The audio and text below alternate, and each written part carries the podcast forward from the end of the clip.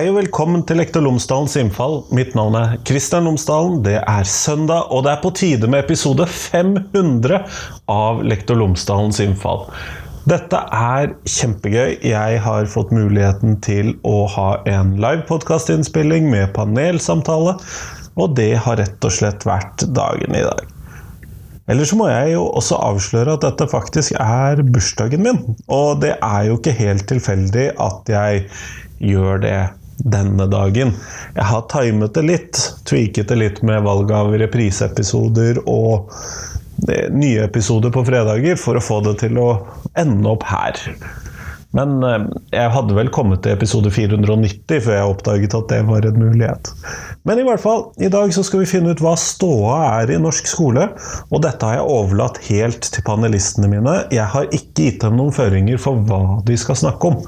De har rett og slett fått lov til å åpne ballet med hvert sitt lengre innlegg, hver sin lille monolog, om ståa i norsk skole sett fra deres perspektiver, og så tar vi det derfra. Og I dette panelet så sitter Lise Selnes fra Arbeiderpartiet, hun sitter i utdanningskomiteen for Arbeiderpartiet. Så har vi Jan Tore Sanner fra Høyre, som han sitter i samme komité, men han er også utdanningspolitisk talsperson for partiet. Så har vi Andreas Halvorsrud, som er relativt nyvalgt leder for lektorstudentene i Norsk Lektorlag. Han er også leder for lektorstudentene på UiB og lektorstudent der. Og så har vi Simon Malkenes, som jeg er litt usikker på om i det hele tatt trenger en videre introduksjon enn som så. Men han er i hvert fall doktorgradsstipendiat på NTNU i øyeblikket, sånn at der har du panelet mitt. I tillegg så har jeg over lengre tid bedt om å få spørsmål i eh, et skjema som jeg har lagt ut, for å kunne stille til panelistene mine, sånn i tilfelle jeg gikk tom for spørsmål. Men i hvert fall, det er dagens episode som kommer på en helt unormal dag. Eh, denne podkasten er jo sponset av Fagbokforlaget, og Fagbokforlaget har gitt ut en ny metodebok om forskningsoversikter. F.eks. hvis du skal skrive en bacheloroppgave, masteroppgave eller til og med en doktorgradsavhandling. Så er det jo fordi at du har rett og slett mye informasjon, og du må finne ut hva som er viktig for deg, og da kan du trenge den boka. og Den heter 'Forskningsoversikter i utdanningsvitenskap'. Og De anbefaler den til alle studenter på lærerutdanningene og innenfor andre pedagogiske fag. Men nå, nå skal du få panelet mitt. Vær så god.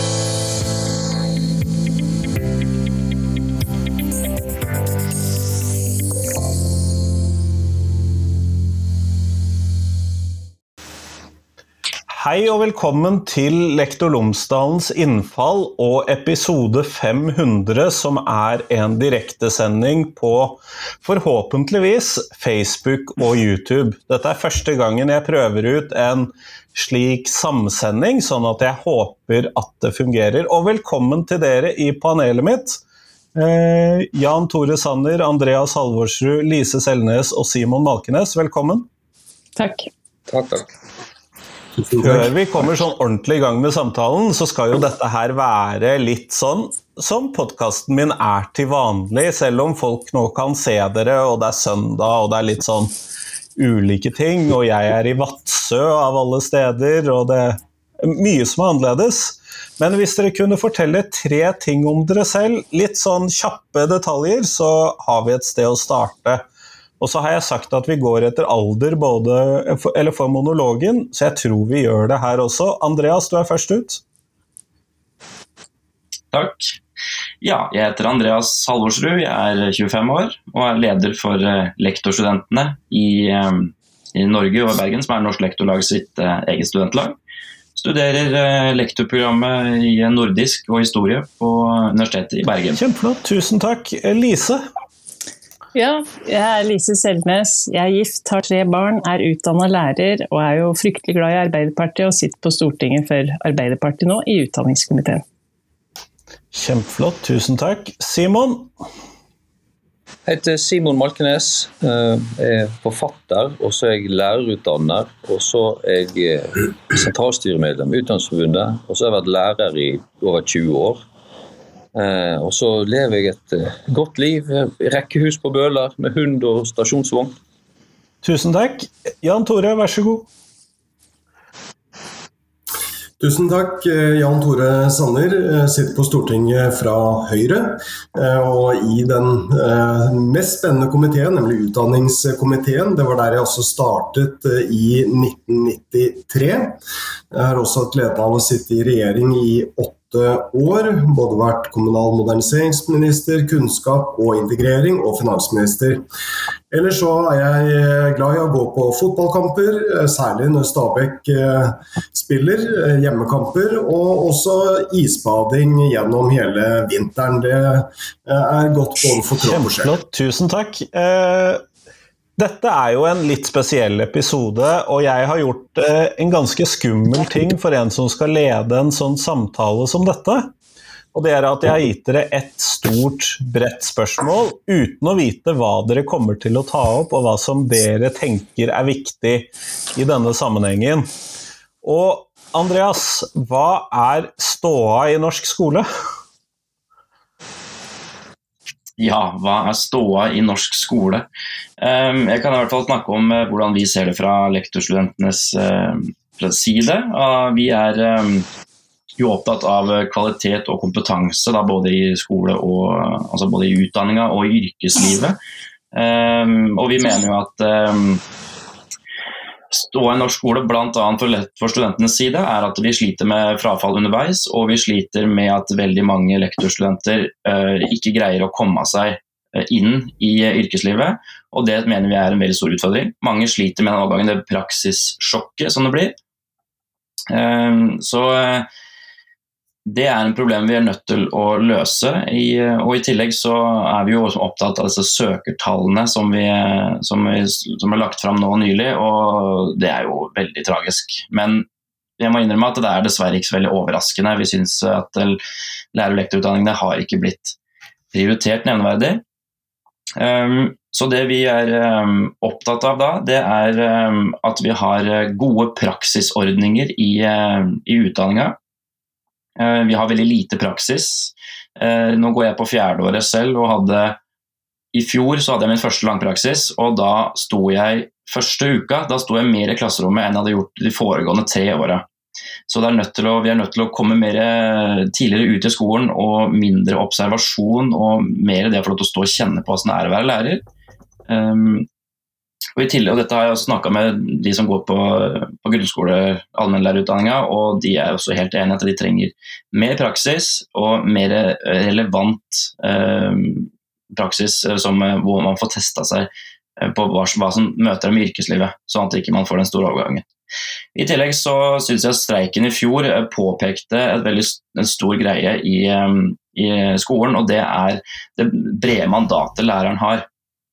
Og da um, tenker jeg på at eh, du er jo ikke bare en underviser. Eh, du, er, eh, du, skal være psykolog, du skal være familieterapeut, du skal være sosionom og miljøterapeut. Og dette her er veldig krevende for mange, og jeg mener at det er også en del av det der praksissjokket som de nye, nye studentene kommer, eller nye lærerne og lektorene kommer med. At den overgangen der, den er veldig stor. Og det, det brede mandatet det er man nødt til å gjøre noe med, og vi må få flere, rett og slett flere andre fagarbeidere inn i skolen for å lempe den belastningen av lærerne og hjelpe elevene, eh, sånn at, de, sånn at de har kompetanse. Jeg har ikke, som eh, lektorstudent, jeg har ikke noe veldig mye eh, sosionomkompetanse eller psykologkompetanse som psykologene og sosionomene har. Det er en liten versjon av hvordan vi ser stå i norsk skole. Tusen takk, Andreas. Og jeg mistenker jo selvfølgelig at det er ting de andre i panelet hadde hatt lyst til å kommentere på det som du sier. Eh, og det mistenker jeg at kommer til å gjelde når vi kommer til de andre eh, monologene også. Eh, men dere skal få lov til å kommentere på hverandre etter at vi er ferdig med monologene. Og så har vi selvfølgelig noen spørsmål til dere etter hvert, eh, både fra min egen del, og jeg har fått inn noen fra publikum eh, som kan sende inn spørsmål allerede, fremdeles. Men Lise, du er eh, neste person ut i panelet. Nest yngst er jeg veldig glad for å være. For en gangs skyld det er hyggelig å gi meg sjøltillit. Ståa i norsk skole kan diskutere ut fra veldig mange perspektiver, og når jeg fikk det spørsmålet, så måtte jeg ta utgangspunkt i meg sjøl og litt de eh, erfaringene jeg har, bare for å ta det som et lite bakteppe. Altså, jeg har vært lærer i ti år, undervist i ungdomsskole og aktiv i Utdanningsforbundet. Jeg har vært ordfører i ti år og sittet i hovedstyret til KS, og sitter nå i utdanningskomiteen på Stortinget og jobber med utdanningspolitikk for Arbeiderpartiet. Og Med det bakteppet er det ulike innganger inn til hvordan ståa i norsk skole er. Jeg ønsker å løfte det ut fra ulike perspektiver, altså elevperspektivet. Elevene som starter i første klasse, hva slags forventninger er de, og hvordan opplever de norsk skole? For veldig mange, og det store flertallet, så går det jo veldig bra i løpet av de skoleåra de har. Selv om debatten er negativ, og mange føler at eh, ting ikke er på stell. Det er mange som lærer veldig mye, og det er mange som trives veldig godt i norsk skole. Men det er de historiene og der det ikke går bra, og der jeg møter foreldre som forteller om ungen sin, som sier i første klasse at 'mamma, kan du ikke være så snill å melde meg av det her, dette her kjøret orker jeg ikke'. Eh, det er triste historier der folk ikke lykkes. Så når vi diskuterer norsk skole, så diskuterer vi det ofte ut fra de som ikke det går bra med i norsk skole, og da må vi se på hvilke verktøy vi har løfta inn der. Må vi ta foreldreperspektivet, for jeg er jo mor òg. Jeg har tre barn, to som har vært gjennom grunnskolen og en som skal begynne neste år. Og foreldres forventning til norsk skole, og hvordan vi som foreldre også møter de store kravene som er i skolen, eh, men hvordan vi hjelper ungene våre òg. Der det er forskjell på oss foreldre, og hvordan vi faktisk klarer å hjelpe dem, og hva vi får til, og hvordan klarer norsk skole å kompensere de forskjellene.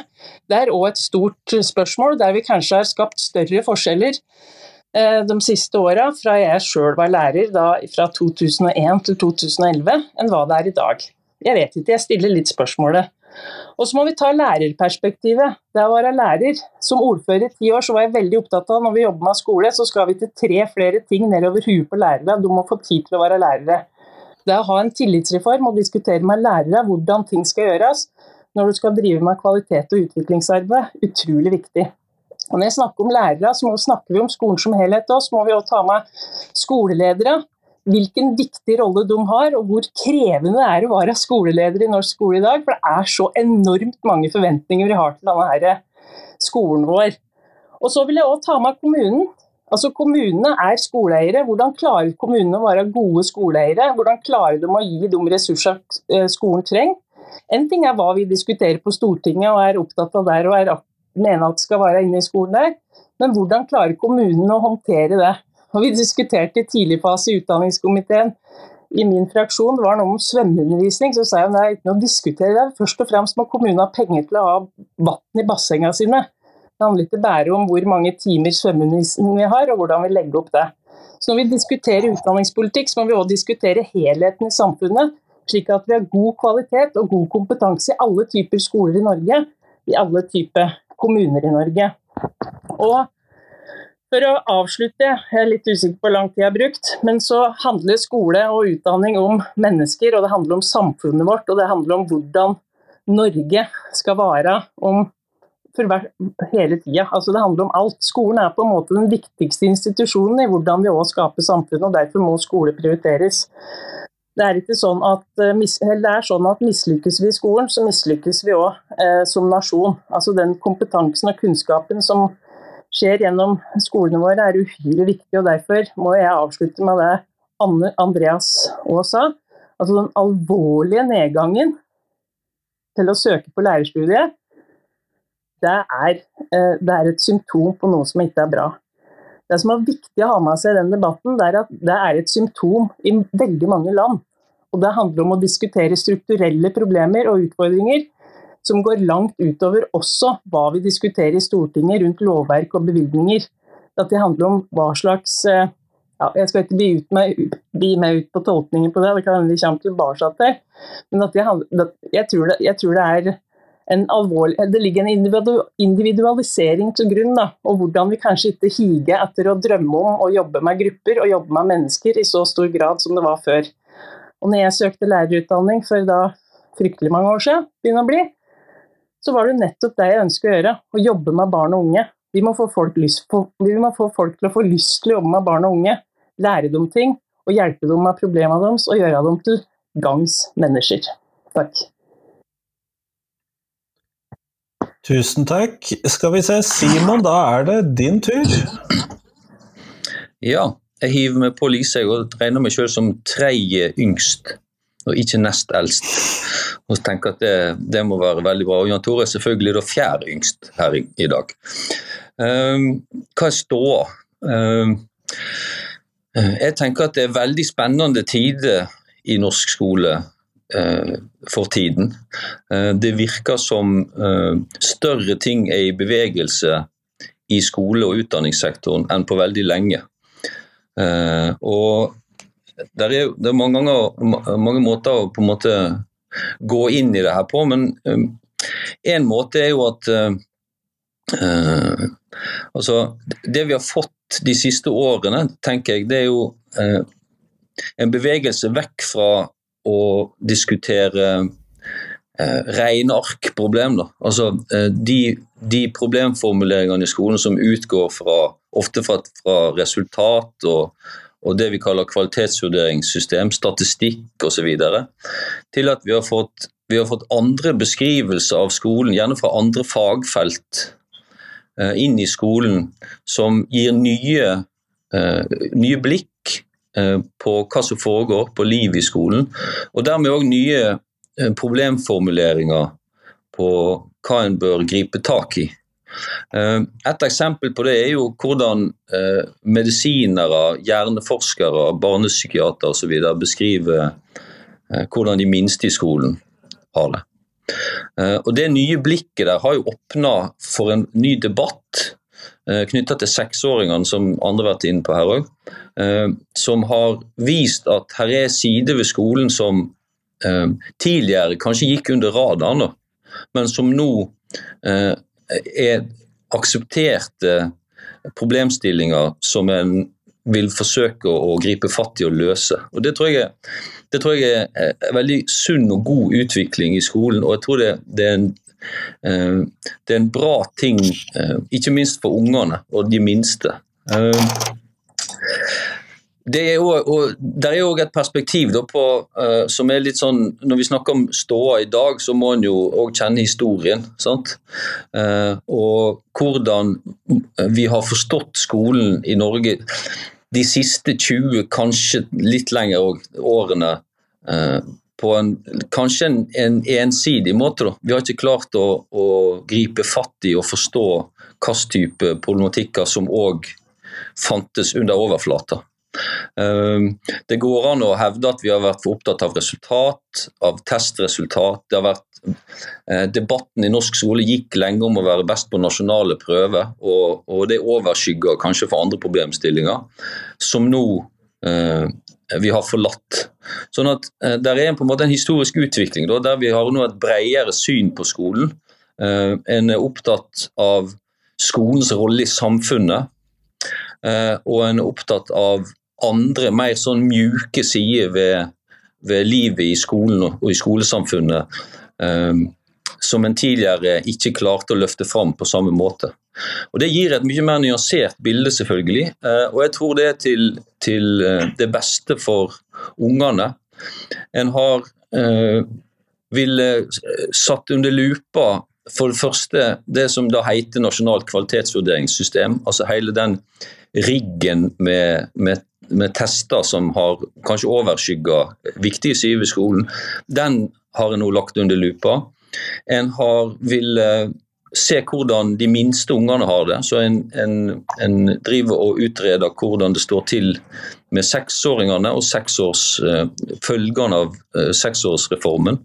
Helt tilbake til 97. Det er, jo, det er jo, veldig lang tid før det kom i, kom i, i stand. Så, så det er både på en måte eh, brudd og kontinuitet i norsk skole. Men ståa tror jeg er, er, er, Det er at vi snakker om andre problemer i skolen enn vi har gjort på veldig lenge. Og de fanger opp et mye videre syn på skole. Eh, og Det er veldig spennende å se politisk nå hvordan det her materialiserer seg. Eh, det, det, må jo også legges til i, i historiefortellinga her at eh, norsk skole Det har vært veldig stor konsensus om hvordan norsk skole skulle ha vært, både fra høyre- og venstresida, i de her ti årene som jeg snakker om. Det har vært veldig lite eh, eh systemdebatt. Det har vært symboldebatt.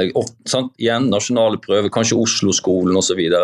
Som på en måte symboliserer uenighetene. Men det har vært veldig, eh, det var veldig eh, eh stor enighet både på, fra Høyre og, og Stoltenberg II-regjeringa f.eks. Eh, men det der òg er i bevegelse nå. Så Det som, det som fascinerer meg ut ifra mitt ståsted, det er jo hvordan en politisk nå plukker opp de problemene som er formulert, og formulerer ny politikk. Og Det går an å se at der, der er det bevegelser i, i det politiske landskapet på hvem som eh, er villig til å ta inn over seg de problembeskrivelsene som andre fagfelt har gitt av skolen. Og Det er veldig spennende. Det åpner felt igjen på nytt. Eh, og vi får mer tydelige politiske skiller på hva en ønsker og vil med skolen, og skolens rolle i samfunnet.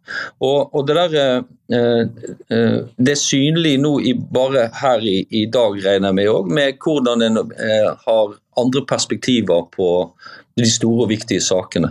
Så Ståa i dag er at en har åpna felt igjen på en annen måte. Større ting er i bevegelse, og det er veldig spennende. Og Jeg vil avslutte med å løfte fram en ting, en viktig ting her. Nå snakket jeg om fagfolk fra andre fagfelt. men en, en annen viktig side av det her er jo lærerne og lærerstemmen. Og eh, Lærerne har ytra veldig mange av de standpunktene som nå er høyaktuelle i alle år men det har vært eh, vanskelig å nå fram, og det har vært vanskelig å nå igjennom. Det er òg en bevegelse nå hvor en i større grad lytter til lærerne sine erfaringer fra klasserommet. En overkjører ikke de på samme måte som før. og Dermed får en òg eh, nyansert hvordan skolen eh, kan forbedres, samtidig som, en, som lærerstemmen når fram i større grad.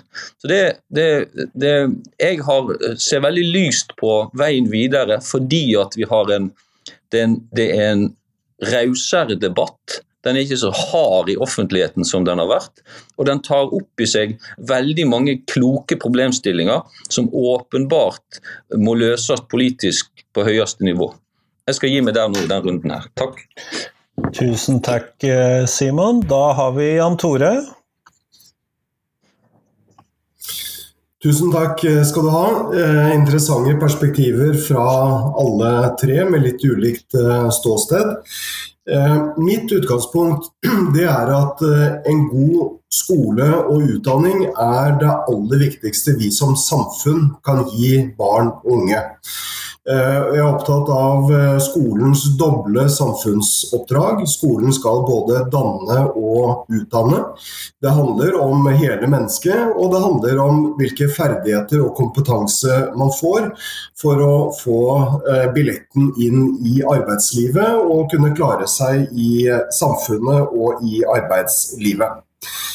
Jeg er opptatt av at når seksåringen går inn skoleporten, så er det ikke hvilken kommune man bor i, hvor foreldrene er født, hvilken utdanning foreldrene har eller hvor mye de tjener, som skal avgjøre hvilke muligheter du har. Derfor så blir skolens innhold og faglig kompetente og gode lærere eh, det aller eh, viktigste. Bakgrunnen til elevene vet vi fortsatt har en, eh, en, betydning. Det er stor forskjell på hvor gode skoleeiere, hvor gode kommunene er. Det er forskjell også i foreldrenes utdanningsnivå, i hvilken grad elevene også fullfører videregående skole. Men jeg opplever at vi er på riktig vei. Eh, jeg mener det er grunn til å snakke opp mye av det positive som skjer i, i skolen. Ikke minst eh, så er det langt flere ungdommer som i dag fullfører videregående skole. Og når vi vet hvilket arbeidsliv som ungdommene skal ut i, så er det helt avgjørende for at flere skal kunne komme i, i jobb. Eh, og I dag så er det 5500 flere ungdommer som går ut av videregående skole med et fagbrev eller mulighet til å studere, enn det det var i 2013. Så vi har løftet fullføringen fra syv av ti til åtte av ti. Det mener jeg er en, er en viktig mål på at vi lykkes med mye i, i skolen. Det er også gledelig å se at flere ungdommer nå velger yrkesfag, eh, mens eh, det har vært en nedadgående trend i veldig mange europeiske land.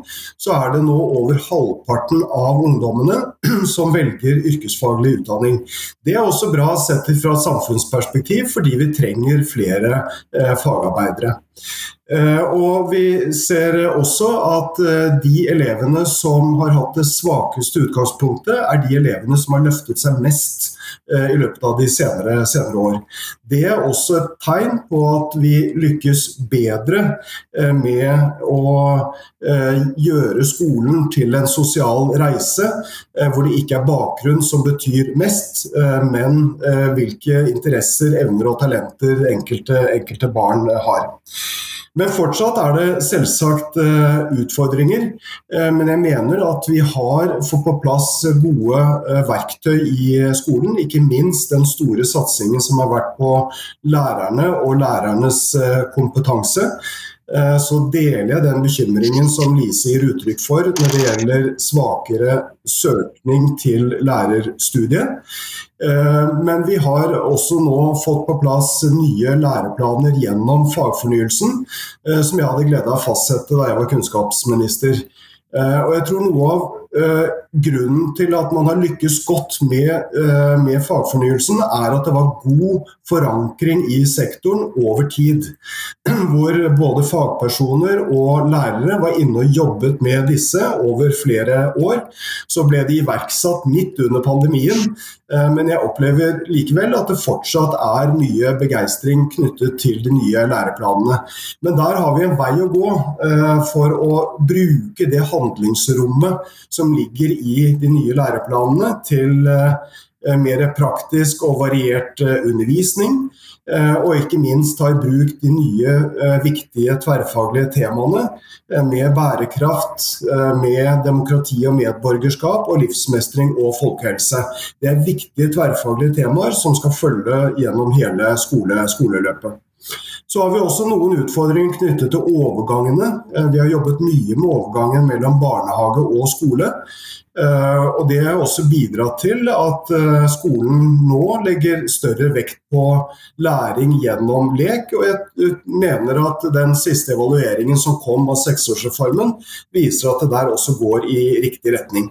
Noe av utfordringen nå ligger på ungdomsskolen, og det er jeg glad for at eh, hele Stortinget nå er positive til en eh, kall det gjerne en reform eller tiltak som kan øke mestring og motivasjon og, og læringsglede. Og så må vi jobbe videre med overgangen mellom ungdomsskolen og videregående skole. Der vet vi at det eh, også er utfordring for en del. Og bare helt til slutt så er jeg opptatt av at det må være flere veier til målet. Eh, vi eh, har alle våre interesser og evner og talenter, men livet går eh, ikke alltid bare én vei. Det går opp og ned.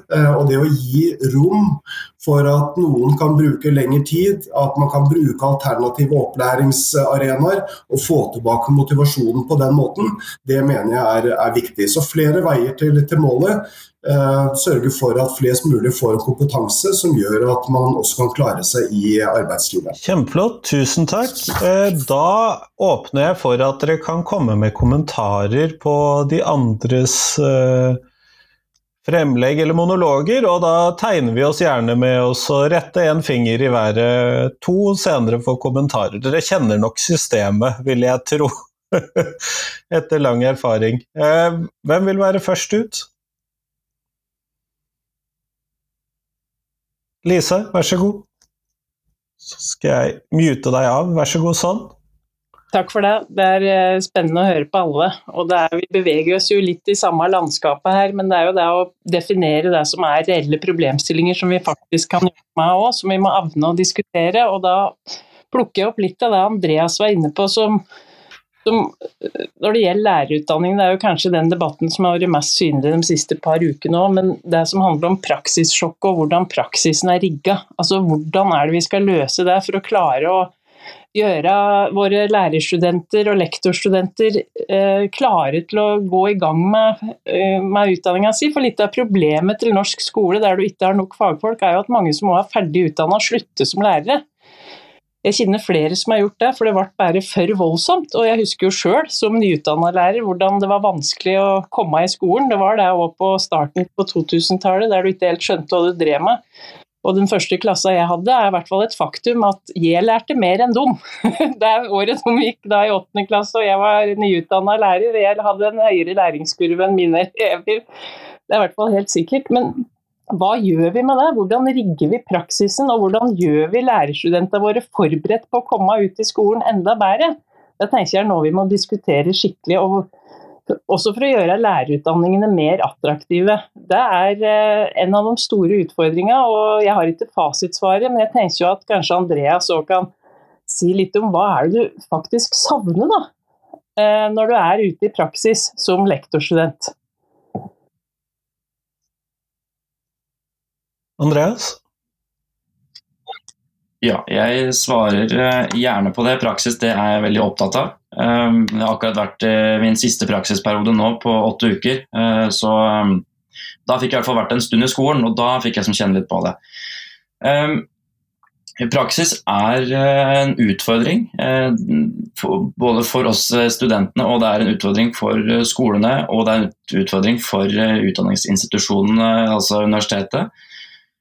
Det merker vi. Um, Koordineringa der er vanskelig. og er, Vi er ulike, og hva som fungerer ulikt på ulike skoler, det er en, det er, det er en floke. Um, det, jeg, det, jeg, vil si som lekt, fra lektorstudentenes side, er at um, det at vi kommer tidlig i gang, at vi får lov til å kjenne på det, at vi får stå i klasserommet og bruke tid. Um, og den bratte læringskurven som du snakker om, Elise, som du kjente på i når du begynte å jobbe. så Den får man selvfølgelig uansett, men hvis større del av den kan tas uh, under uh, litt uh, mykere forutsetninger i en praksisperiode, gjerne i starten av utdanningsløpet, det må være mye bedre.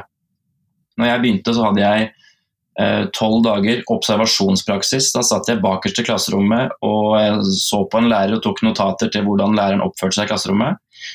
Jeg hadde jo ikke noe erfaring eh, selv fra læreryrket. Jeg hadde ikke jobba så veldig mye som vikarlærer. Noen andre har det, så det hadde de litt forskjellige eh, bakgrunn på. De skjønte nok mer, men jeg skjønte ganske lite. Så jeg følte at jeg egentlig bare var en vanlig skoleelev og satt ikke igjen med noe så veldig mye. Så eh, jeg tenker i hvert fall at vi kom, kom i gang tidlig. Det, det er veldig viktig. Takk, Andreas. Simon, du ba om ordet. Skal vi se om jeg klarer å unmute deg òg. Der, vær så god. Sånn, ja. Jeg syns det er veldig interessant å høre på det her. Um, som sagt, Jeg har jo 20 års erfaring fra klasserommet sjøl, men jeg er òg på mitt andre kull med lærerstudenter som jeg utdanner. Så jeg har én fot her og én fot der. Um, og når studentene kommer til meg først, så sier de jo at eh, jeg spør de hvorfor de vil bli lærer. Og det de går inn med, er jo at de vil hjelpe barn. Altså Det er en veldig, er en veldig eh, eh, mjuk inngang. Sant? Den handler om omsorg, og den handler om å kunne hjelpe unger og være sammen med unger og støtte dem, eh, og osv. osv. Eh, og så er jo det her begrepet som heter praksissjokk. da. Sant? Eh, for det har jo mine studenter òg. Eh, og, det er jo det er mange historier som jeg får fra studentene, men det er jo at eh, hvis du skal veldig koke det ned Der er jo ikke tid til å hjelpe alle barna. Det er jo så mye annet en skal gjøre. Der er jo, vi hadde eh, bare eh, Forrige gang jeg var med studentene mine, så hadde de eh, skulle ha prøve. Og da er det, når jeg, vi, vi på skolen, vi som da er nest tredje yngst i rommet, og sånn, så fikk vi jo bare spørsmålene som var, som var oppgaver. Men nå er det elleve sider med vurderingskriterier og kriterier for måloppnåelse i tillegg, som må leveres ut. Sånn at Studentene møter jo en helt annen skolevirkelighet og en skolehverdag i det sjokket her, som har så mange andre eh, ringvirkninger, og som når de snakker med meg tilbake igjen kommer imellom læreren og barnet som de vil hjelpe. Så, så sjokk er òg en beskrivelse av eh, alle de andre tingene som står i veien for at en skal kunne eh, ha omsorg, den nødvendige omsorgen for ungene. Eh, og Der er det utall eh, beskrivelser. Det har alt for, sant, Den klassiske debatten med klassestørrelse til hva det måtte være, som, som ligger der. Og så er det, en, er det en enorm intensitet i det å være lærer. Det er, det er akkurat som å spille toppfotball seks timer hver dag. Det, du, du, det, er en ekstrem orientering du gjør når du er lærer. Det, nå nikker de som er lærer, for du vet hvordan hodet går når du er i klasserommet. Du vurderer alle elevene hele tida. Hva de gjør, hvordan de eh, kommer til, hva de, det neste de kommer til å gjøre. Hvordan de forholder seg til de andre. I, i en enormt, som er enormt krevende. Og Da kommer vi til, til det som jeg, som, jeg, som jeg, har lyst til å løfte fram her. Og det er jo at Lærere og lærerstudenter, når, når vi er i klasserommet, så bruker vi sjela vår som reservoar for arbeidet. Altså vi bruker, Når vi er i relasjoner med ungene, så er det vårt eget følelsesliv vi spiller på, selv om vi er profesjonelle. Og Det er enormt krevende og belastende. Eh, og du, du kan lære deg det eh, av erfaring over tid, hvordan du håndterer det. Men det er ofte nettopp et sjokk å komme inn i så intense situasjoner der du bruker deg sjøl som ressurs hele tida med en flokk med unger, som du òg har en sånn moralsk forpliktelse for, fordi at du føler ansvar og vil hjelpe dem. Og Det er det sosiale, det er, det er å, å, å, kle på dem når de skal ut i friminuttet, men òg alle de andre tingene som handler om psykisk helse og ivaretakelse osv. Det er enormt krevende. Og selvfølgelig er det et sjokk. Men så er det òg sånn at uh, det praksissjokket tror jeg kunne vært dempa hvis skolen i størst mulig grad var opptatt av de mjuke sidene. Det som er det relasjonelle i skolen. Da tror jeg det ville gitt mening. Men når det i tillegg er store dokumentasjonskrav, altså tidkrevende eh, eh arbeidsoppgaver som tar ressurser vekk fra det en faktisk er der for, og det som lærerstudentene begynner på lærerstudiet for å ønske med, med, med å bli lærer, så kan det bli for masse. Og Da tror jeg at det kan bli et, det en kaller praksissjokk, eller en voldsom belastning. Og Da er det fort gjort å tenke at det er lærerutdanninga som er problemet. Det er ikke sikkert det, det, er bare det at det er så enkelt. Det kan òg ha noe med hva vi har gjort med lærerhverdagen, og det vi, vi sender lærere og lærerstudenter ut i. Sånn at der er, der er en, en, Jeg må nyansere det bildet, tenker jeg. da. Og så er det selvfølgelig sånn at uh, vi har endra skolen, og den, vi må forberede lærerstudentene på den skolen vi skal ut i. Men det kan òg hende at deler av den skolen vi sender ut i, er uheldige og, og kan slå tilbake på studentene. Det var et langt innlegg, men takk. Jan Tore, jeg mener å ha sett en finger hos deg, er det riktig? Eh, det gjorde du kanskje, men det tegnet meg egentlig ikke. Men jeg kan gjerne kommentere noe av det som har kommet eh, frem. og Jeg mener at det er viktige eh, perspektiver.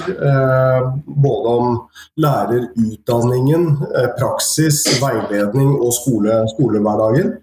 Jeg tror ikke det, det er ikke lett å, å, finne de politiske svarene her. Og ikke minst, det er ikke alt som fungerer likt alle steder. Det er forskjell på storby og Eh, storbyutfordringene og utfordringene du har i en, en del mindre eh, kommuner. Men eh, jeg mener nok at, at, både lærerutdanningen og praksis under utdanningen er, er viktig. Eh, da jeg var kunnskapsminister så reiste jeg mye rundt og snakket med lærere som var ute i praksis. Eh, og de fortalte meg om veldig store forskjeller på den praksisen. Eh, noen følte at de satt veldig mye på lærerværelset, og andre opplevde at de, at de kom ut i klasserommet og fikk, fikk erfaring derfra.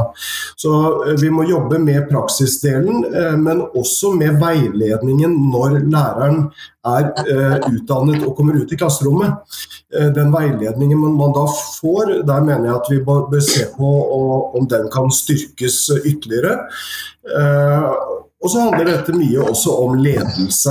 Eh, både om skoleeier om skoleleder, men også at det legges større vekt på eh, ledelse i klasserommet. Eh, for vi vet at det er en god del utfordringer en del steder i dag som er blitt større, knyttet til utagerende elever og vold og trusler osv. Og, så og det krever mye kompetanse for å kunne håndtere det.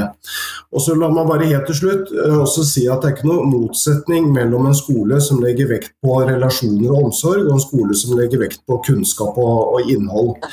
Eh, noe av det som, har, eh, som jeg syns har vært eh, krevende å, å, å, oppleve, det er elever som først når de kommer opp på ungdomsskolen, at det oppdages at de sliter med, med lese- og skriveutfordringer.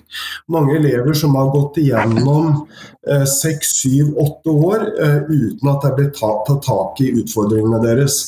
Og Derfor så må vi få tidlig innsats som en arbeidsform i, gjennom hele skoleløpet. Eh, vi må unngå at små problemer får lov til å vokse seg store. og Det handler både om den sosiale siden, men også om den faglige siden. Det har vært for mye vente og se-holdning. At man tenker at utfordringene går over. Veldig mange utfordringer gjør ikke det, men de får lov til å vokse seg store. Og Det kan også forklare en del av de utfordringene som man nå har i ungdomsskolen. Takk, Jan Tore. Da har jeg Andreas og Lise og så Simon på talerlisten min. Andreas? Eh, ja, jeg vil bare følge opp det Jan Tore sier om eh, og Simon for egentlig dette med, med veiledning eh, underveis når man er i praksis. For jeg syns det er litt relevant. Den læreren du følger. For der jeg, som sikkert veldig mange andre lektorstudenter og lærerstudenter, vi merker at der, der er det veldig stor forskjell hvor mye innsats legger i, og hvor mye erfaring de selv har med dette her.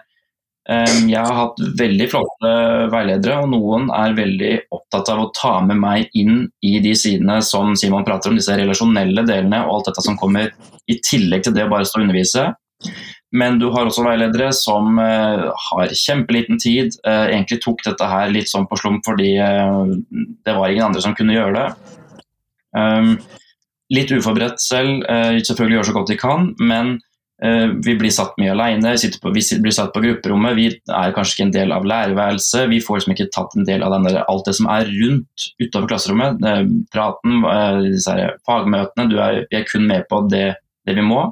Så når det gjelder praksis, så er det veldig viktig at vi, at vi har gode veiledere, og at veilederne er forberedt på hva som kommer. og at de også ser viktigheten av alt dette ekstra som kanskje i deres hverdag blir eh, faller naturlig, fordi de har drevet med såpass lenge og har så mye erfaring. Eh, bare hvordan du møter en elev i gangen som du vet har det vanskelig, men at du tar med deg studentene inn i dette her og, um, og bruker tid på å se at lærer, læreryrket er så utrolig mye mer enn bare å stå og undervise og rette prøver. Lise, vær så god. Um, det er jo mange ting, men litt, stoppe opp litt med at det er det relasjonelle og det faglige som på en måte av og til kan tegnes et sånt uh, At noen er opptatt av det faglige og noen er opptatt av det relasjonelle. Jeg tror nok jeg tror nok de fleste er opptatt av begge deler i stor grad når du ser på det politiske landskapet, men det som er viktig å påpeke er jo hvordan vi har bygd opp verktøy for å måle det faglige, der vi ikke har de samme verktøyene for å måle det relasjonelle. Og I mitt møte med ulike aktører som jobber i norsk skole, så er det jo eh, eh, det, er en, det er en økende grad av unge mennesker som sliter psykisk i Norge. Det er mange som har behov for mye hjelp eh, når de blir unge voksne, som faller utafor. Og noe av det altså Jeg er ikke eksperten på det, men ut fra sånn jeg hører folk prate om, er jo litt at du mangler en relasjonell kompetanse. Som også en skole og en barnehage selvsagt kan være med å legge til rette for i tidlig fase i unge menneskers liv. Og For å koble dette også på lektorstudenten, da, eh, når du jobber da med eh, Var det historie og samfunnsfag som var dine fag? I hvert fall historie, husker jeg. Når du jobber da med å lage gode faglige utdanningsopplegg for elevene på historie, la oss si at du jobber med den kalde krigen, hvordan du tenker måloppnåelse, hvordan du tenker at du skal jobbe med tekst, hvordan du skal jobbe med det muntlig, alle mulige ting. eh, som kanskje din veileder som på praksisstudiet er opptatt av hvordan du gjør. At du er godt forberedt til å gå inn i den timen. Men da er det òg ekstremt viktig at du blir dratt inn i de relasjonelle problemene som også er i skolen. Der du er i dialog med eleven og prøver å løse opp i disse her konfliktene som alltid dukker opp flere hver eneste dag som lærer. Men samtidig tror jeg òg mye av dette relasjonelle handler også om foreldrene og foreldredialogen. Og hvordan du òg som praksisstudent eh, kobles på foreldresamarbeidet, som er en veldig viktig del av det å jobbe som lærer i norsk skole. Det tror jeg òg er viktig. Og som, som, lærer og som mor, så når du har møte, møte opp på foreldremøte til førsteklassinga, så tror jo nesten alle foreldre, eller kan det hende meg i ferd med å innse det, da, men tror at deres unge er helt fantastisk og unik, og de er jo det. Men så er det jo noe med systemet vårt som gjør at det blir færre og færre foreldre som møter opp også på foreldremøter i løpet av de eh, ti åra de er i grunnskolen. Og mister mer og mer engasjement og ikke helt klarer å skjønne hvordan du skal følge det opp. og liksom så det å klare å koble både foreldrerollen, lærerrollen der det faglige ligger, det relasjonelle ligger, og hvordan alle disse her stakeholders, for å bruke et litt dårlig ord, rundt disse her små menneskenes liv, jobbe sammen da, for å møte utfordringene og klare å løfte dem opp og fram. Det tror jeg er ekstremt, ekstremt viktig. Og spørsmålet mitt er er det systemer å bygge opp for å få det til, eller handler det om hvordan du snakker om det og hvordan du jobber med det? Slik som vi har egentlig veldig fine tester for å måle om du har faglig kompetanse, men kanskje ikke er like gode på å systematisere jobbinga rundt det relasjonelle, til tross for den fagfornyelsen som har vært. Takk. Simon, du er sistemann, så skal jeg ta, ta oss et uh, annet sted.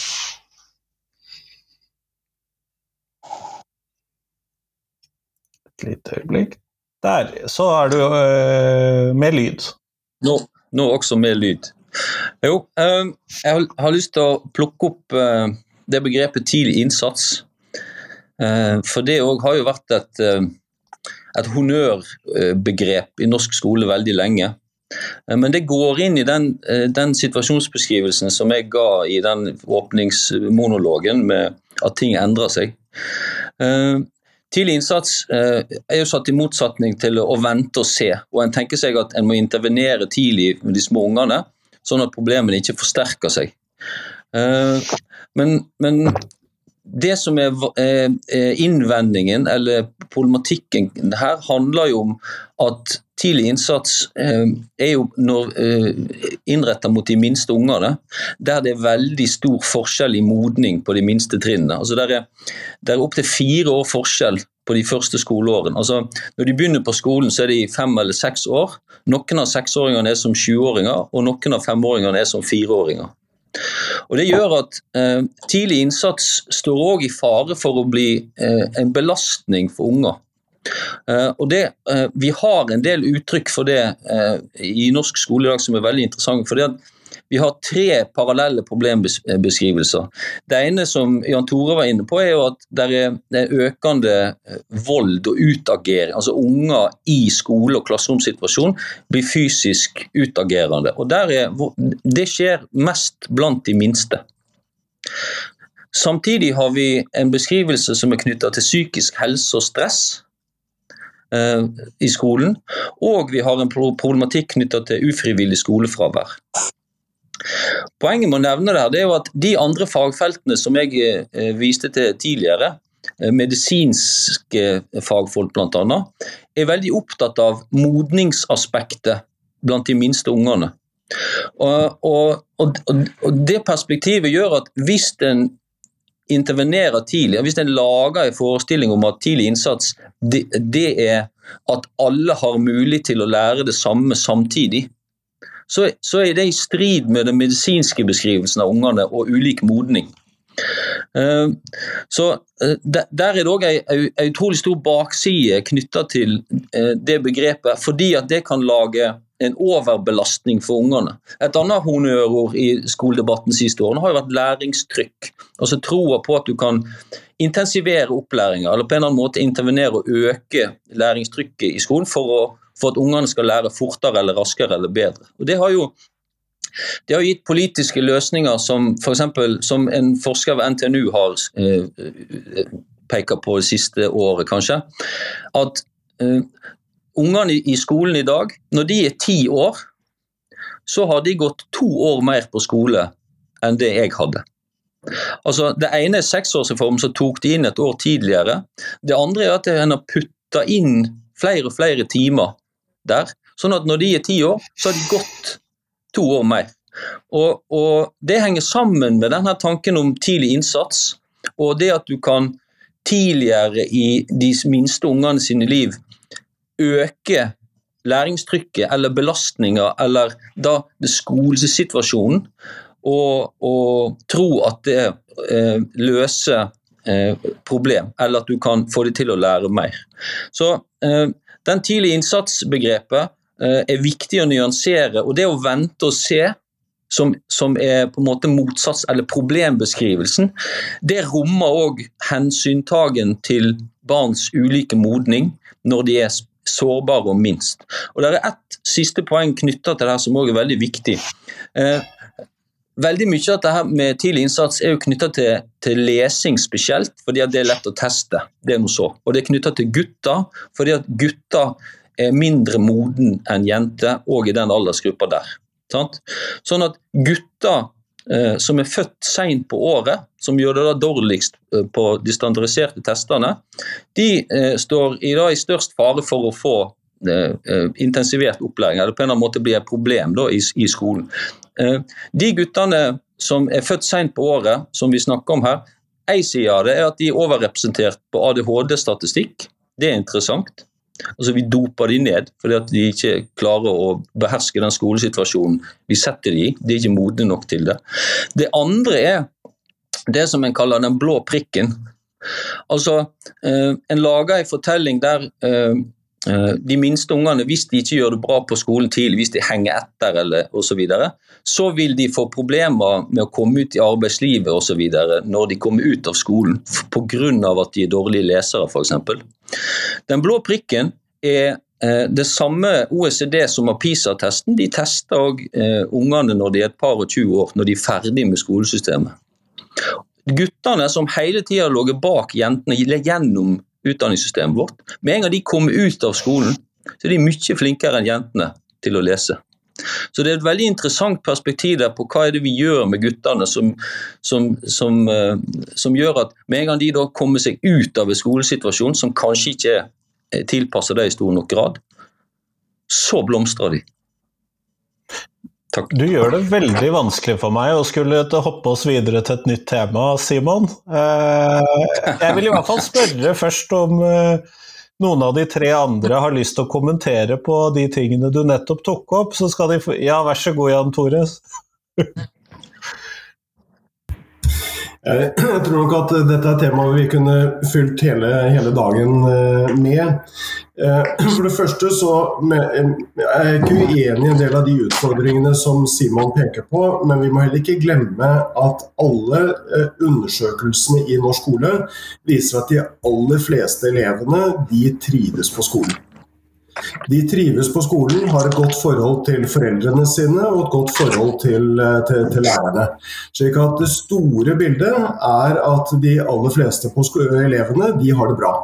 Så er det noen eh, som, som, sliter, eh, enten med motivasjon, som vi ser fra 5. klasse inn i ungdomsskolen. Eh, og vi vet også at eh, en del sliter med psykiske helseutfordringer. Og Det må det tas tak i, og vi må også bidra til at det bygges et lag rundt eleven. Og at ikke alle disse oppgavene skal ligge på lærerens skuldre. Så mener jeg at begrepet tidlig innsats er et fantastisk flott begrep. Eh, man må selvfølgelig passe på at dette ikke bare handler om lesing, skriving og regning. Det handler også om å ta tak i fravær på et tidlig tidspunkt. Eh, vi har i dag ikke oversikt over skolefravær før du kommer i 10. klasse. og Der vet vi at hver syvende elev er borte mer enn tre uker eh, i løpet av et år. Det betyr at det må tas tak i dette tidligere. Så Når vi nå i den nye opplæringsloven også gir skolen plikt eh, til å følge opp fravær, så mener jeg at det er en del av tidlig innsats som bør være en arbeidsform gjennom, gjennom hele, hele skolen. Og så vet vi jo også at uh, Er man opptatt av at elevene skal fullføre videregående skole og få fagbrev eller studiekompetanse, så vet vi at de elevene som har et snitt uh, på under tre når de går ut av ungdomsskolen, så er det bare 40% sjanse for at de gjennomfører. Det betyr at vi må fortsette å jobbe også med de grunnleggende ferdighetene. og Jeg mener at det er ikke noen motsetning eh, mellom den vektleggingen av grunnleggende ferdigheter og læring, og at man jobber med eh, relasjoner eh, og omsorg i, eh, i, skolen. Det går tilbake igjen til det jeg startet min monolog med, nemlig at skolen har et dobbelt samfunnsoppdrag. Den skal både danne og, eh, og utdanne. Eh, og da må vi også sørge for at eh, det er eh, også skolens hverdag. At man både legger vekt på, på, på den faglige siden og bidrar til å løfte de elevene som blir hengende etter, samtidig som man jobber med relasjoner, omsorg og hjelp til de som har behov for det. Lise, hadde du et bidrag der, eller skal jeg gå videre? Eh, jeg skal eh, hjelpe deg med mute-knappen. Sånn, vær så god. Jeg kan godt ta et bidrag her. Det er jo 100 ting som datt ned i huet. Men jeg, altså, tidlig innsats er alltid viktig, men det er jo hvordan du gjør det. Og jeg har et veldig sterkt hjerte for at du kan ikke bare drive med de tinga mer som noen ikke fikser. Det er jo det verste du gjør med folk. Det er det verste for meg som menneske hvis jeg må gjøre ting som jeg ikke mestrer, og, og gjøre ting opp igjen og opp igjen fører jo også til videre problemer. Så det er jo hvordan er det du gjør disse tingene her, som er det ekstremt essensielle. For jeg tror vi av og til har et for snevert normalitetsbegrep da, i møte med elevene i norsk skole, som skal få alle til å passe inn i ei form. og Hvis du ikke passer inn der, så blir du et større og større problem, og du får flere og flere diagnoser. Så det, det må være eller Våre lærerstudenter og våre lærere og alle som jobber i skolen, må på en måte eh, ha god kunnskap om variasjonen i hva slags mennesker du møter. Og ha verktøy da for å møte dem på den måten som gjør at de lykkes. Og det er jo utrolig vanskelig, men vi må, må tørre å prate om at alle eh, vi er alle forskjellige, og det er ikke alle som passer inn i akkurat de samme, samme formene når det gjelder tidlig innsats, eller å jobbe med bokstavopplæring eller bruke digitale verktøy på ulike måter. Hvordan er det du gjør disse tingene tidlig i norsk skole? hvordan er det vi av og til òg produserer folk som mislykkes, og de får den følelsen av at de er mislykka i tidlig alder, som virkelig ikke er noe vi ønsker å gi våre unge mennesker. Jan Tore, du hadde Nei, bare veldig, veldig kort, for jeg er enig i det, det Lise, Lise, sier. og Derfor så handler det også om å eh, både bruke det rommet som er for eh, variert og praktisk eh, undervisning. Eh, naturfagtimen handler ikke bare om å, å sitte og, og, og, lese seg opp på naturfag, det handler også om å bruke naturen som læringsarena. Eh, jeg har hatt gleden av å besøke mange såkalte alternative opplæringsarenaer, hvor eh, ungdom som mistrives på skolen, får anledning til å gjøre noe helt annet. Eh, lage teater, lage film, eh, jobbe på gård eller med produksjon. Eh, og som gjennom å gjøre noe helt annet får tilbake mye av motivasjonen. Og ser også at de har behov for, for mer også, også, læring.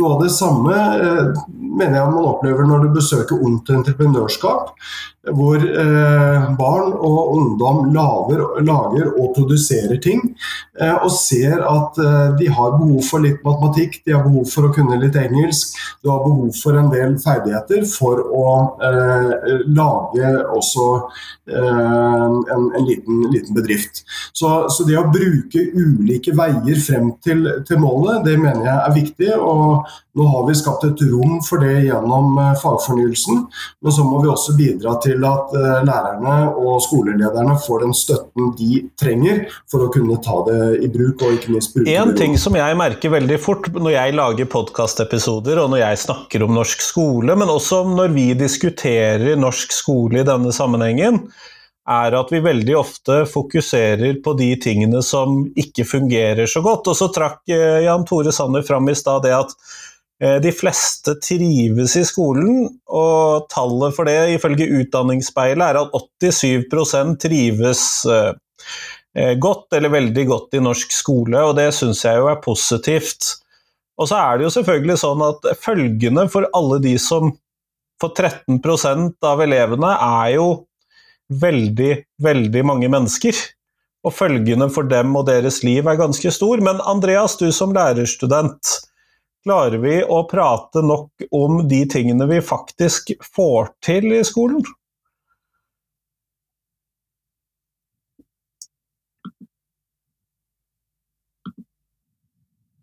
Der var lyden min på, ja. Um, ja, det, vi gjør jo det. Ehm, men jeg syns det er Og det er helt riktig at vi skal absolutt huske på at 87 eh, trives godt eller veldig godt på skolen, og det er kjempebra og det er viktig. og det er, eh, Vi skal absolutt ta med oss det, men som du sier, så er fortsatt eh, den 13% og 13% det er, Selv om prosentandelen kanskje ikke høres så mye ut, så er det ganske mange elever det er snakk om. Derfor er vi opptatt av og um, snakke om det som Eller at vi må ta vare på de som ikke, ikke trives også, men uten tvil så er det um, lett å snakke opp uh, mye av det vi, hva som er bra med skolen, og det vi får til. og uh, det vi ser nå med at det er flere som fullfører videregående. og um, vi ser at det er at vi, som Simon snakka om innledningsvis, så at vi snakker opp, og vi er mer oppe i dagen, og det er mer framme denne diskusjonen. Den er ikke noe, ikke noe vanskelig å, å, snakke om det. Bare for oss å ta det, prosentandelen 13 av eh, 13 ganger 55 000, det er nesten 100 000 eh, elever. Sånn at det er jo et ganske kraftig tall. Eh, av, jeg har stilt spørsmål, eller latt folk få muligheten til å sende inn spørsmål til oss, og disse spørsmålene har utelukkende gått på ufrivillig skolefravær. Der har jeg fått inn en del spørsmål. Uh, og det ser vi også i både i ulike nettfora, og vi ser det i ulike uh, mediesaker, at oppmerksomheten knyttet til ufrivillig skolefravær er uh, stigende. og så lurer jeg på om dere har noen tanker om hva vi kan gjøre for å håndtere denne situasjonen, både for de som ikke får nok utfordringer i skolen, og de som kanskje trenger noen andre utfordringer i skolen. Simon, du var først ute med fingeren.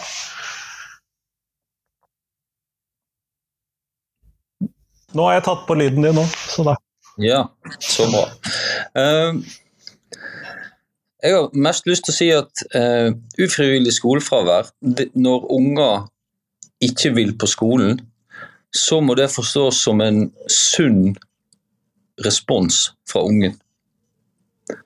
Uh, og det handler om at ungen er satt i en situasjon der en ikke overskuer eller mestrer da skolehverdagen i dette tilfellet her.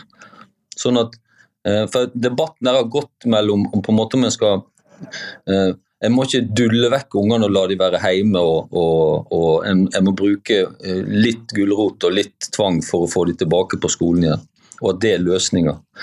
Eh, jeg ser ikke det sånn. Jeg tenker at uh, utgangspunktet der det er at det er en sunn respons fra ungen.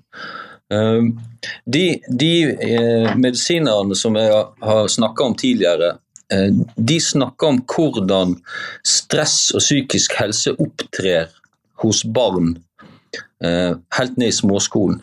Det, det, det første som er viktig der, det er jo at Eh, Pga. barns modning og modningsprosesser så er ikke det sikkert at de evner å uttrykke seg språklig med hvordan de opplever skolehverdagen, før de når der, den alderen der vi òg registrerer det, kanskje allerede helt ut på ungdomsskolen. Men det de, det, de, det de, responderer på, det er at de blir satt gjentatte ganger i eh, skole- og klasseromsituasjoner eh, som de ikke behersker, som de ikke har forutsetninger for å forstå. Eh, eh, og det er knytta til forutsigbarhet spesielt.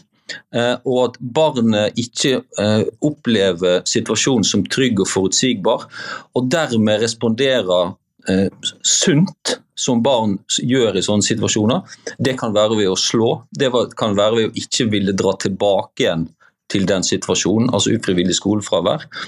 Eller at en da opplever øker stress osv. Og, og De eh, medisinerne som, som, peker på det her, de peker òg på måten skolen er organisert der i de tidlige skoleårene. Så Det er veldig interessant alle spørsmålene knyttet til ufrivillig skolefravær her. Eh, det er en veldig interessant problemstilling. Det er en relativt ny problemstilling, sånn som vi snakket om tidligere, som har kommet til overflata eh, de siste årene. Uh, og Jeg har uh, lyst til å knytte til siste poeng her, altså forholdet mellom uh, hva skal vi kalle det, framsnakking, altså de 87% som har det bra, og de 13 og, og kritikkens rolle. Det er veldig viktig her nå at vi, selv om masse ting funker, Altså, når, vi, når, det kommer sånn her nasjonal transportplan, så snakker vi ikke om alle veiene som er fine. Vi snakker om de veiene som ikke er fine. Sant? Det er de som er problemet. Og Det gjelder òg her. Sant? Her er problematiske sider. Og fordi det rammer, så er det svært alvorlig. Med fortvilte foreldre som, som ser at ungen ikke mestrer skolesituasjonen som havner i en svært fortvilt situasjon. Eh, så det, det viktigste nå er selvfølgelig å anerkjenne den problematikken. Eh, men det handler òg om å kunne analysere og forstå den på ulike nivå her, sånn at vi klarer å gi en fyldig nok beskrivelse av tematikken med hensyn på å løse den. Så eh, Det får være første oppspill til, til den problematikken. der. Det, det, er veldig interessant at den har kommet til overflata, og at vi får lov til å snakke om den nå, så syns jeg er veldig bra. Eh, hvem tar ballen videre? Elise, skal jeg ta Der, nå kan du prate. Ja, takk for det. Um, det er ufrivillig skolefravær. Det er en desperat situasjon fra et foreldreperspektiv. Og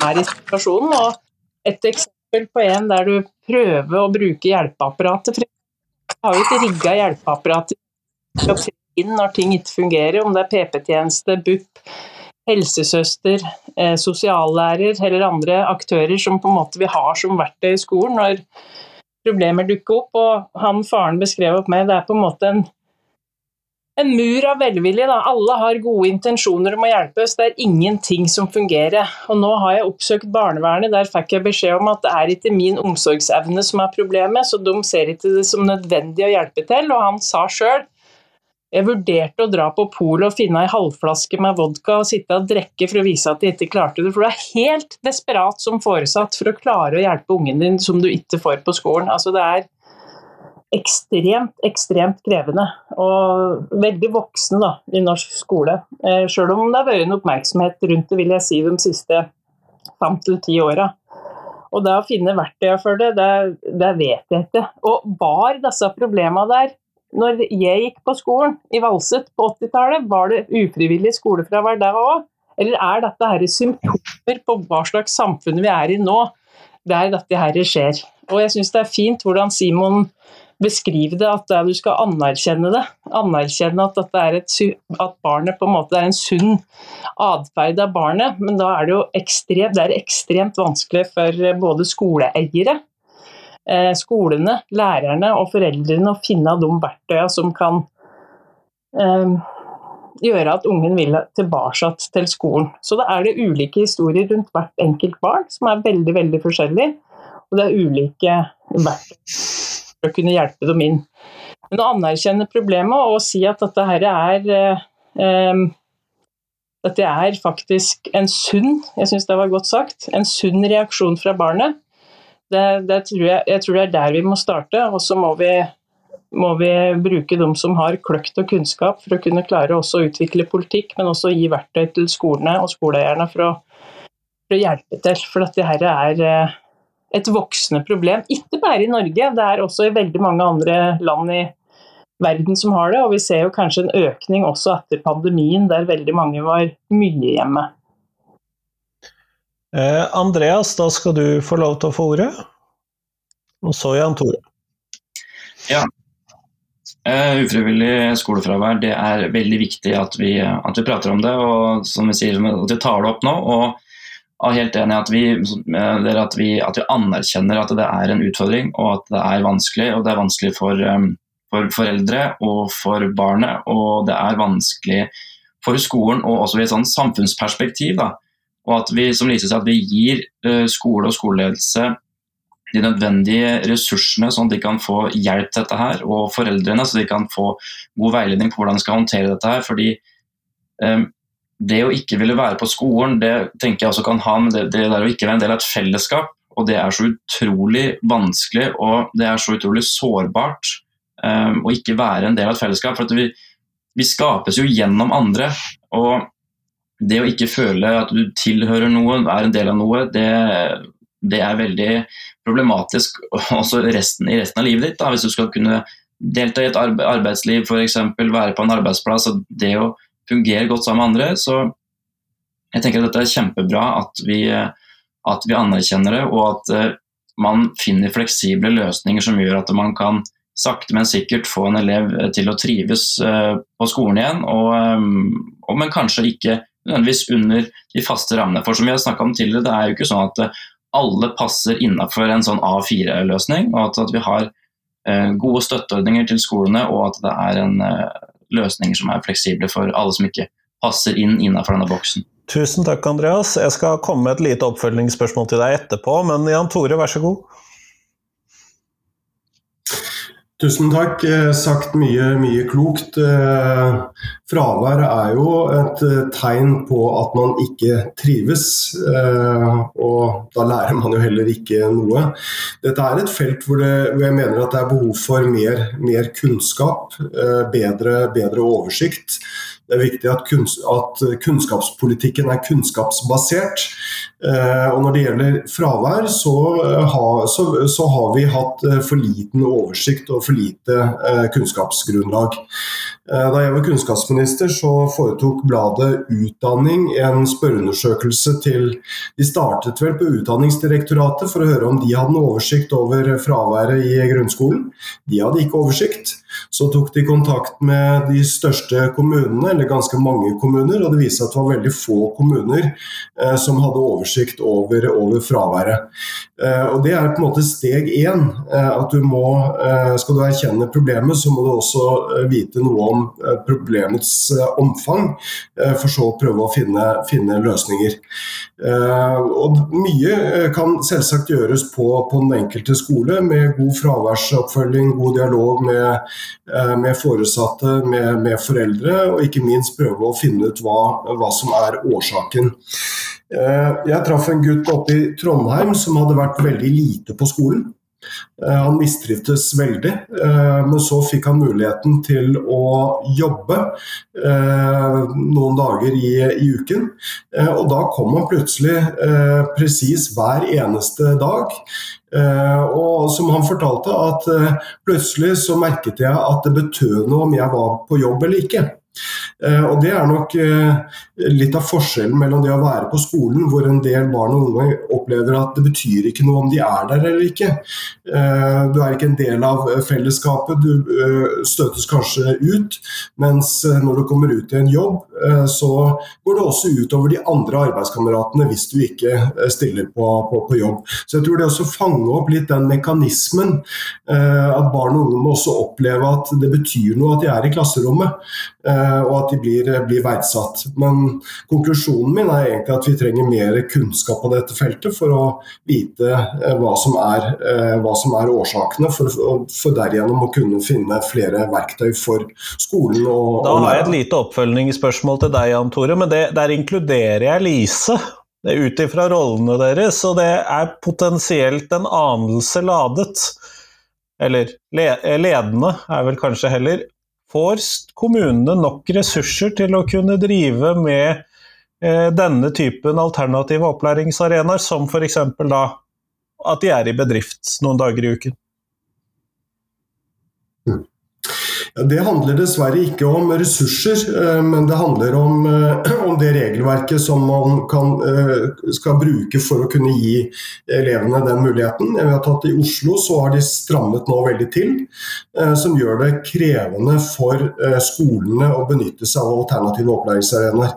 Jeg har besøkt tre av fire alternative opplæringsarenaer i Oslo. Snakket med veldig mange av de ungdommene som er der. Én eh, skole hadde et system hvor elevene måtte søke for å få lov til å benytte seg av den alternative opplæringsarenaen. Eh, og Da ble det litt status eh, å få anledning til å gjøre det. Og Dette er elever som ligger litt i gråsonen på om de er på skolen eller ikke er på, på skolen.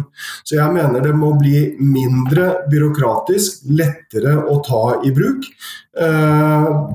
Fordi dette kan bidra til at uh, ungdommene får motivasjonen uh, tilbake, og at de opplever uh, mer mening i, i skole, skolehverdagen. Altså, som nasjonal politiker så er det sikkert ett svar på det, men som tidligere ordfører og også lærer, så er det jo ingen tvil om at det også handler om økonomiske ressurser som kommunene trenger.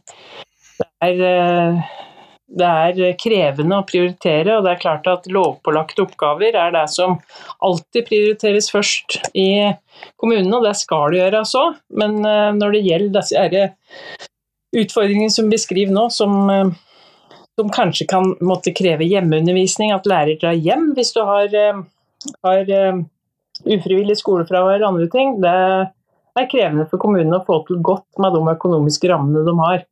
Men samtidig så er det Eller, jeg, eller skal jeg slutte med å si, for det, er, det handler om Vi kan ha all verdens gode intensjoner for norsk skole fra ulike partier, men mye handler også om ram, de rammene kommunene har for å faktisk gjøre det vi mener nasjonalt. Og så får jeg heller få kjeft når jeg kommer på Stortinget fra mine kollegaer der. Ja, det hender jo sikkert at man får. Andreas, eh, du som lærerstudent, da med fare for eh, å henge ut min egen arbeidsgiver, siden jeg jo er lærerutdanner eh, der hvor du er student. Har du lært noe om tilpasning for, av undervisning for neurodivergente elever i skolen?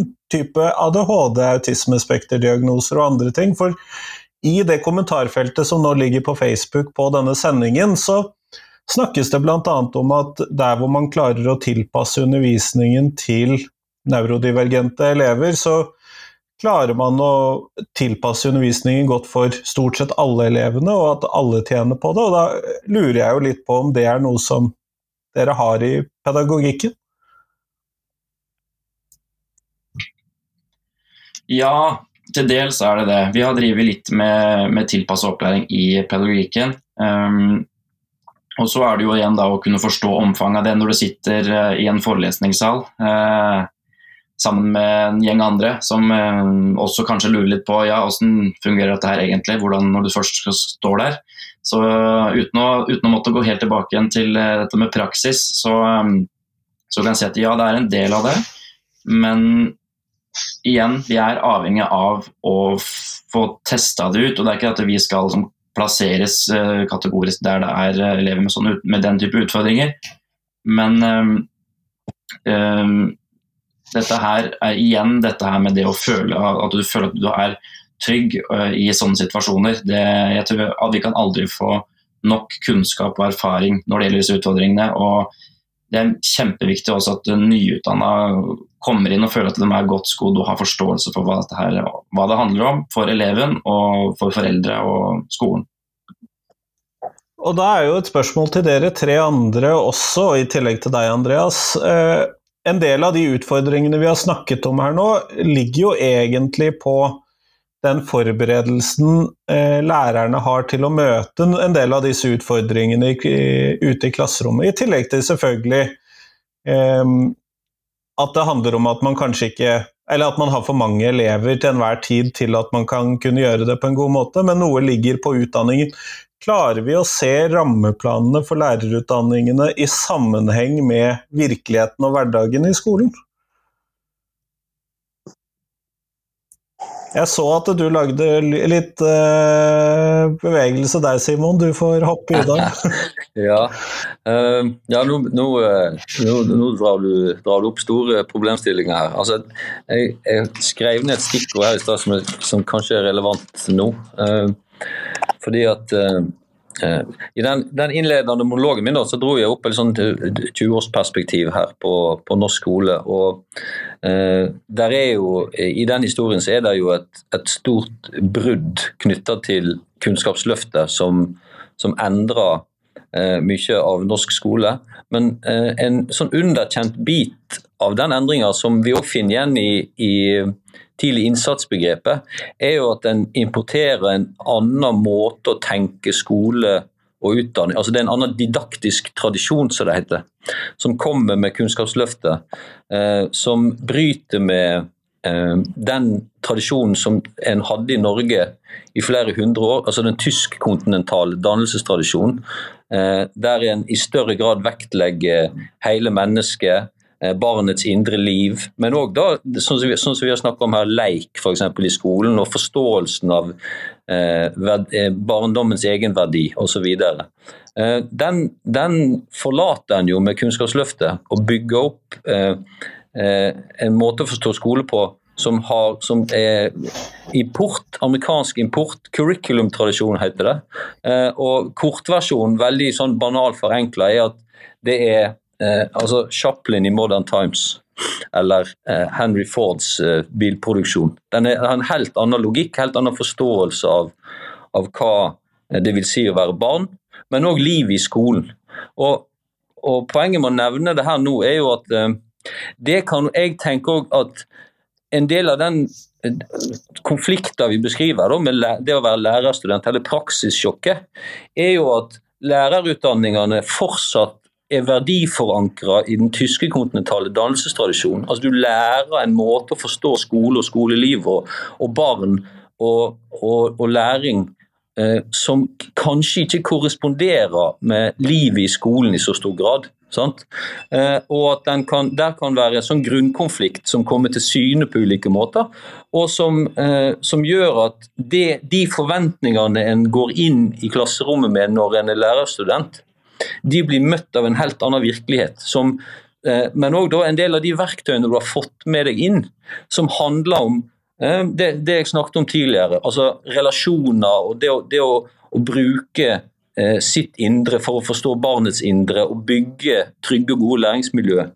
Det er ikke så lett å få til, for det er et annet språk der òg samtidig som, som, eh, som, avkrever andre egenskaper som du kanskje ikke har blitt utstyrt med. Så det er fortsatt en, en jeg vil peke på det er kanskje en verdikonflikt, like mye som læringssyn, didaktisk tradisjon, men det er ikke en korrespondanse der. og det eh, det finner vi òg igjen i at eh, det store ønsket om å reformere da lærerutdanninga hele tida.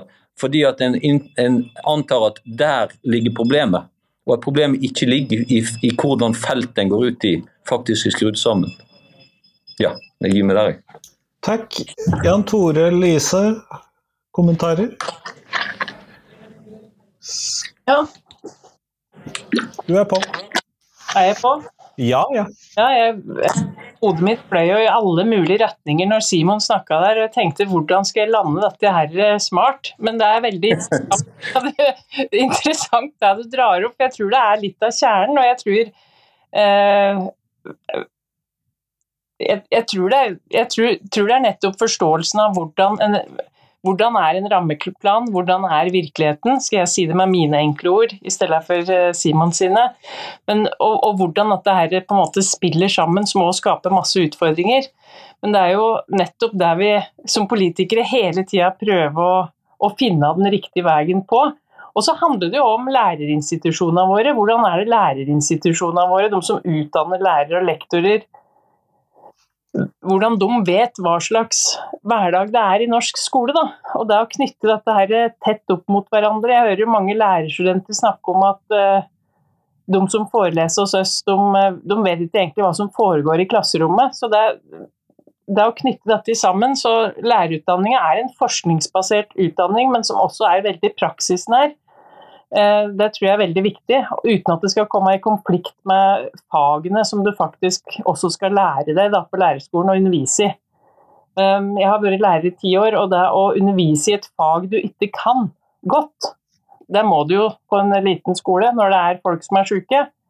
Det, er, eh, det, er, det gir deg ingen god følelse. Så det er viktig å kunne også faget sitt for å, for å kunne klare å møte, møte, virkelighetene som ligger i rammeplanen, og alle gode intensjoner som ligger der, og, og den virkeligheten du er i. Så her er det mange framtidige podkast episoder, Lektor Lomsdalen, som, som, vi kan gå enda mer i dybden på for å, for å se på dette utfordringsbildet, men også for å gi oss som politikere verktøy til å gjøre gode vedtak da, eh, i, skole, i, i, Stortinget um, og i regjering.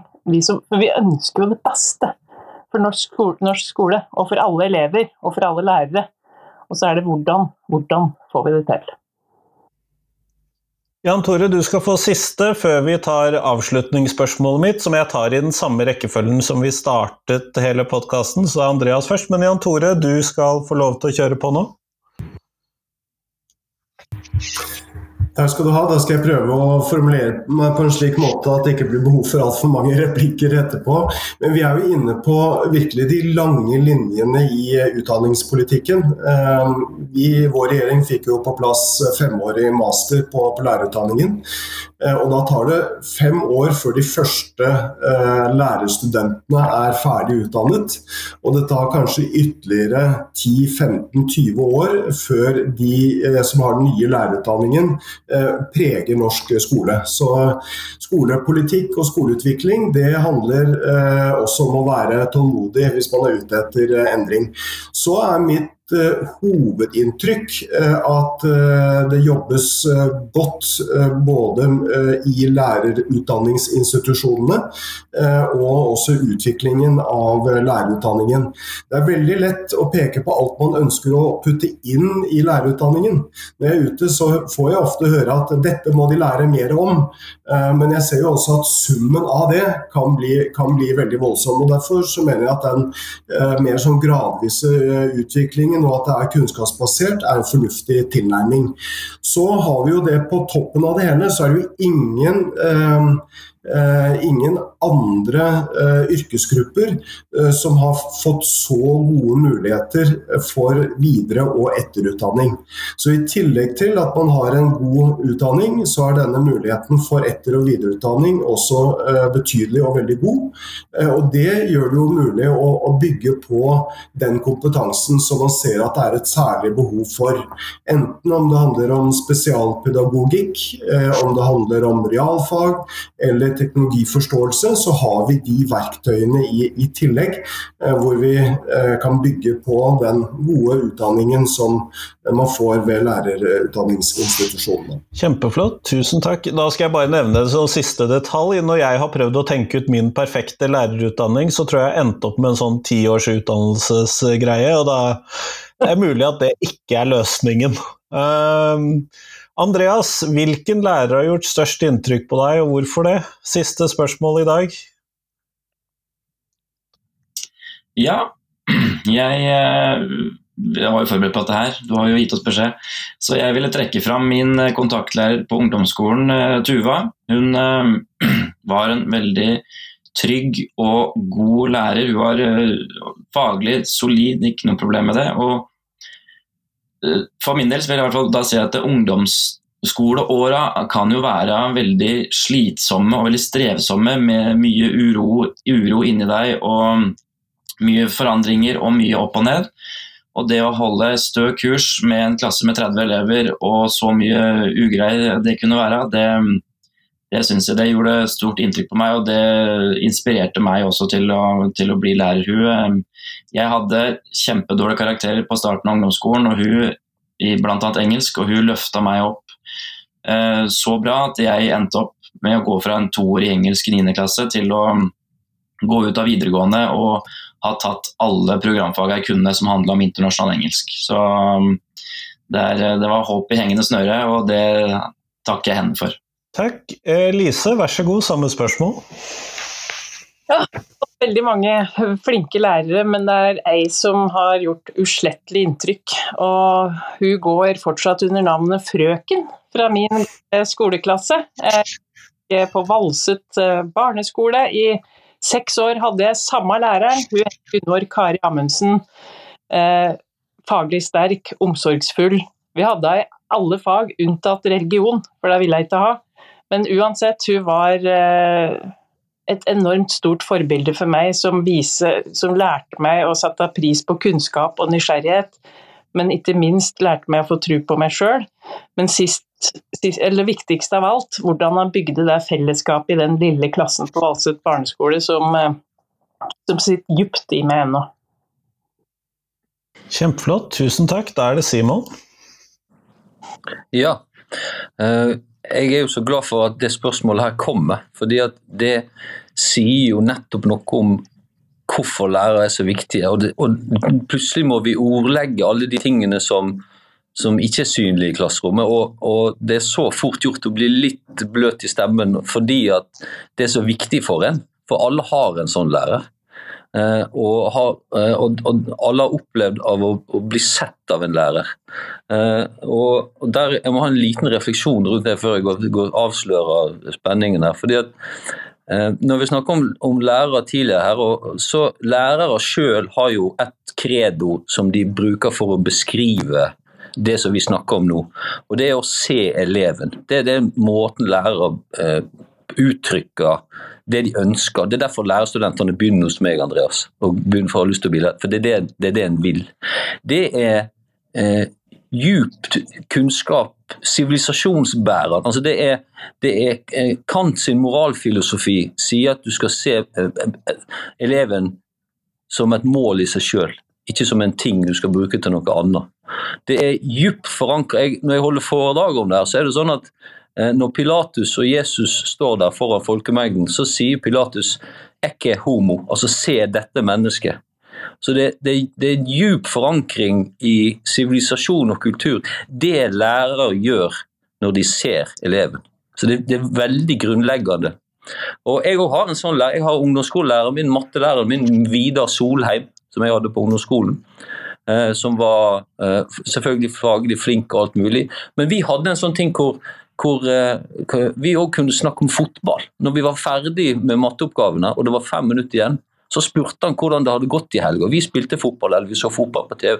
Så vi hadde en sånn ekstra relasjon der som var veldig, veldig artig, eh, men som gjør at en husker en enkelt lærer i tillegg.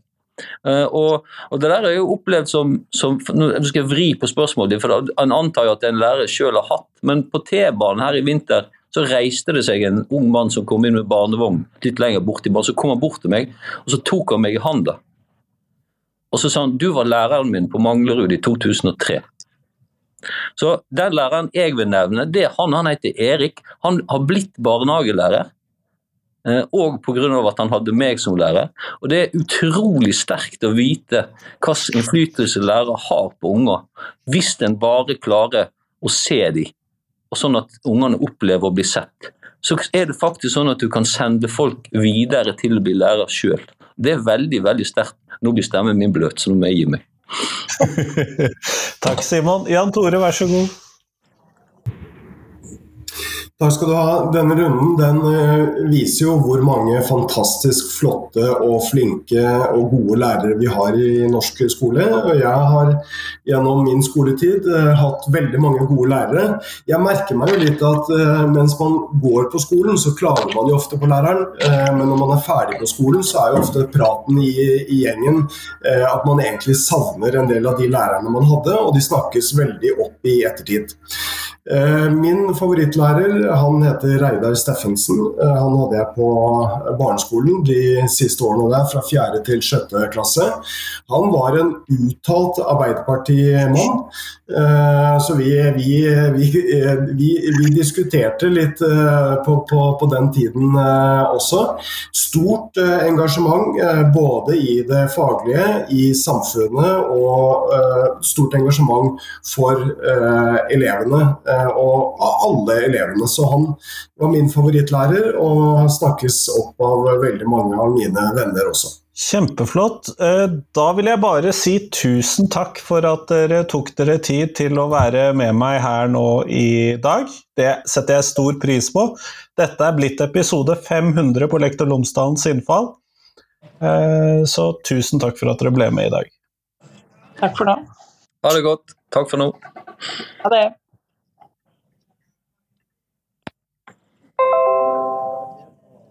Sånn.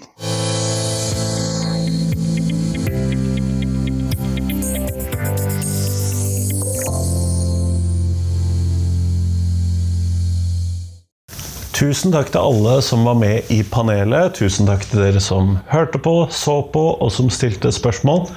Og så er det selvfølgelig sånn, dette var episode 500. Eh, Jeg visste ikke når jeg startet denne podkasten at jeg noen gang ville komme til episode 500. Og Eh, Men dette er utrolig gøy at podkasten har kommet så langt. Og det er en litt emosjonell affære for min del. Men allerede på tirsdag så kommer neste episode. Vi kan jo ikke bryte vanlig schedule for mye. Og så kommer det en ny episode på fredag også. Så jeg satser på at dette blir bra, og at du har noe å høre på i det som kanskje for noen er en inneklemt dag. Men nå, nå får du ha en fin dag videre, så får du ha en fin 17. mai, og så satser vi på at eksamensperioden går rolig for seg. Hei, hei!